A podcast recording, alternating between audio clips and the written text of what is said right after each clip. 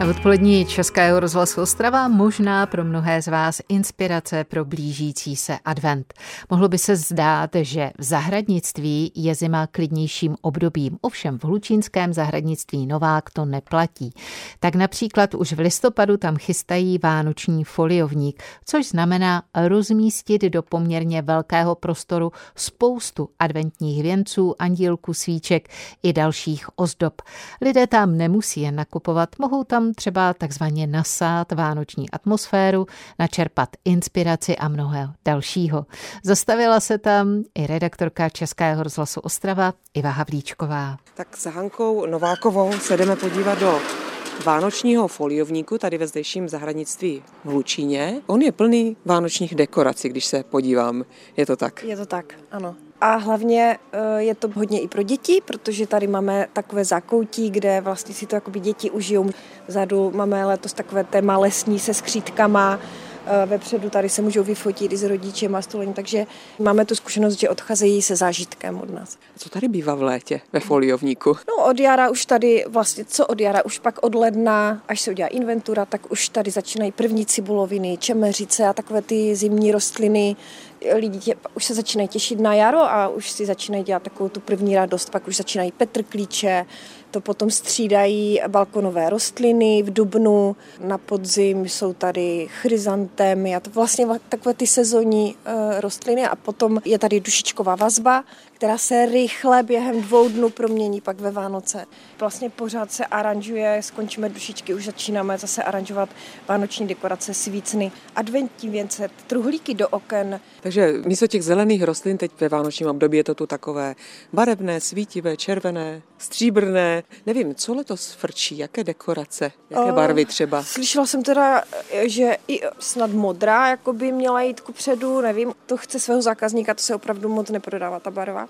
Jako určitě co dá příroda, ty přírodní materiály, rádi s tím pracujeme. To je super, melí a ještě jsme vlastně byli teď na pile, aby nám nařezali špalky a ten přírodní materiál je super. Jestli se můžeme projít a podívat se třeba na ten fotokoutek, uh-huh. v centrálním prostoru tady Vánočního foliovníku je živá bříza. Převisla, ji zdobíme na jaro, na podzimínák a teďkom na Vánoce. No. A ty větve jsou nazdobeny takovými bílými kuličkami, nevím jak to říct, že to evokuje vlastně sníh. Padající sníh. Tady je uprostřed fontánka, tady bublá voda, hraje vánoční jo. hudba. Jdeme dál s paní Hanou Novákovou, ano. tady ze zdejšího zahradnictví. Tady už máte eh, takový koutek pro děti, vidíte, na jaře nám uschl smrk díky kůrovci, takže i ten jsme tady využili, ten má svoje uplatnění ještě v našem fotokoutku, eh, uděláme si třeba nějaké zajímavé tapety, takže Máme to každý rok hodně dobíla, letos jsme trošičku udělali i kousek eh, lesa. Myslím, že spousta dětí panelových domech se do toho lesa tak často nedostane. Máme tady takové krásné skřítky, můžou se tady vyfotit děti. Znamená, že děti si posadí tady na ty ano, špalky, ano. za sebou mají ten zbytek toho smrku nebo ten kmen. Je tu spousta ano. hraček, ptáčci, skřítkové, trpaslíci, houby. A vedle tedy ještě Ježíškova pošta, jak to funguje?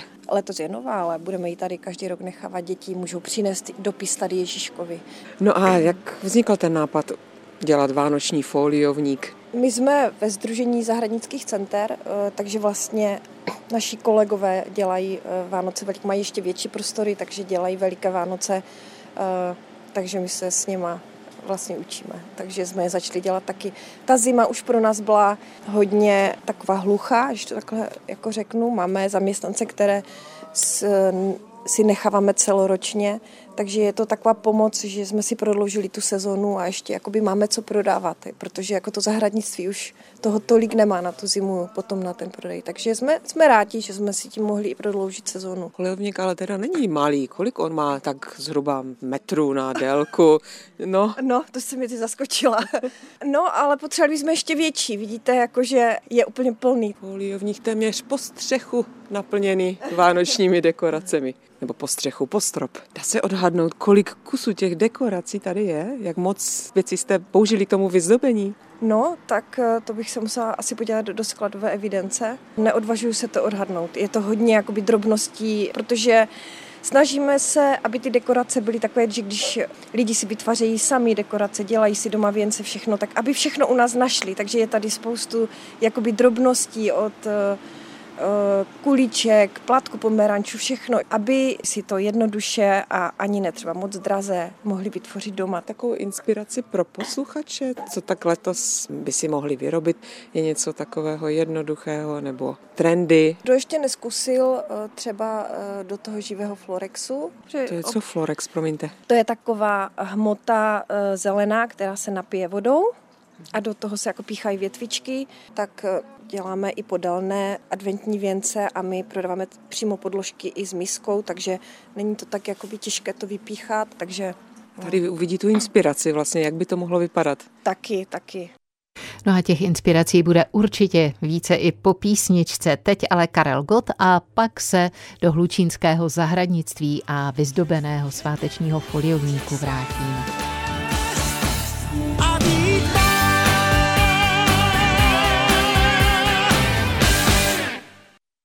A vraťme se do hlučínského zahradnictví Nová, kde můžete až do Vánoc navštívit svátečně vyzdobený foliovník. Ten je v současnosti až postrop zaplněný vánočními dekoracemi. Ty ozdoby přitom jezdí vybírat téměř s ročním předstihem, řekla redaktorce Českého rozhlasu Ostrava Ivě Havlíčkové zahradnice Haná Nováková. No, vánoční foliovník je kromě jiného spojený i s doprovodným programem. Jehož výtěžek pomáhá mobilnímu hospici.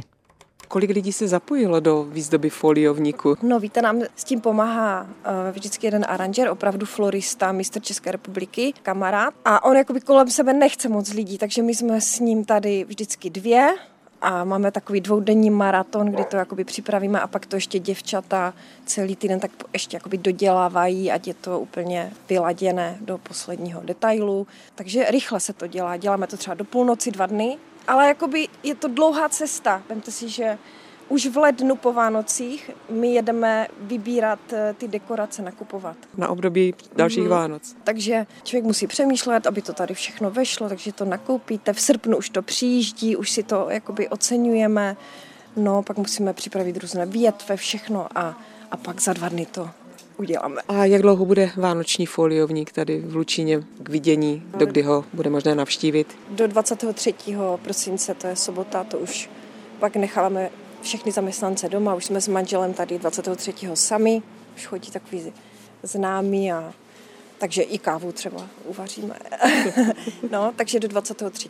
Takže máte i vánoční program k vánočnímu foliovníku připravený. Tím, že nemáme ty prostory, tak eh, nemůžeme s dětma tvořit ve velkém, ale před adventní soboty opekáme párky venku, takže chodí i rodiče s dětmi, tak to je pro ně taky jako zážitek.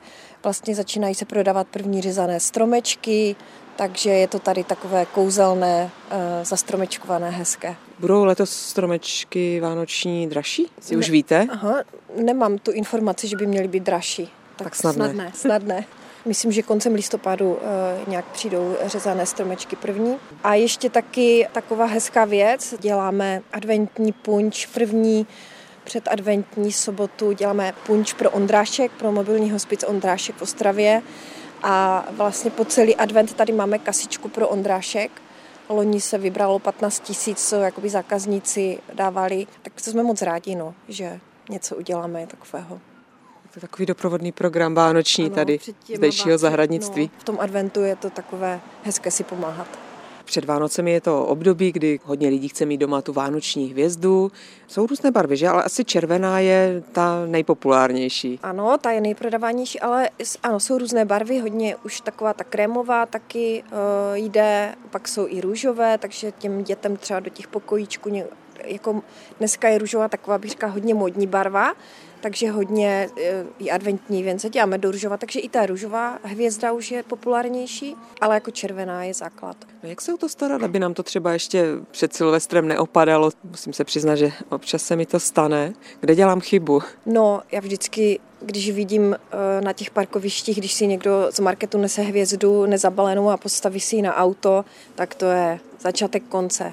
Základ je Kupte si nejlépe v zahradnictví, v květinářství, kde vám ji zabalí pěkně do papíru, aby vám nenachladla. No a pak už, eh, co je takový největší problém doma, nepřelidí, aby nestala uh, dlouho v místce s vodou, to není dobré.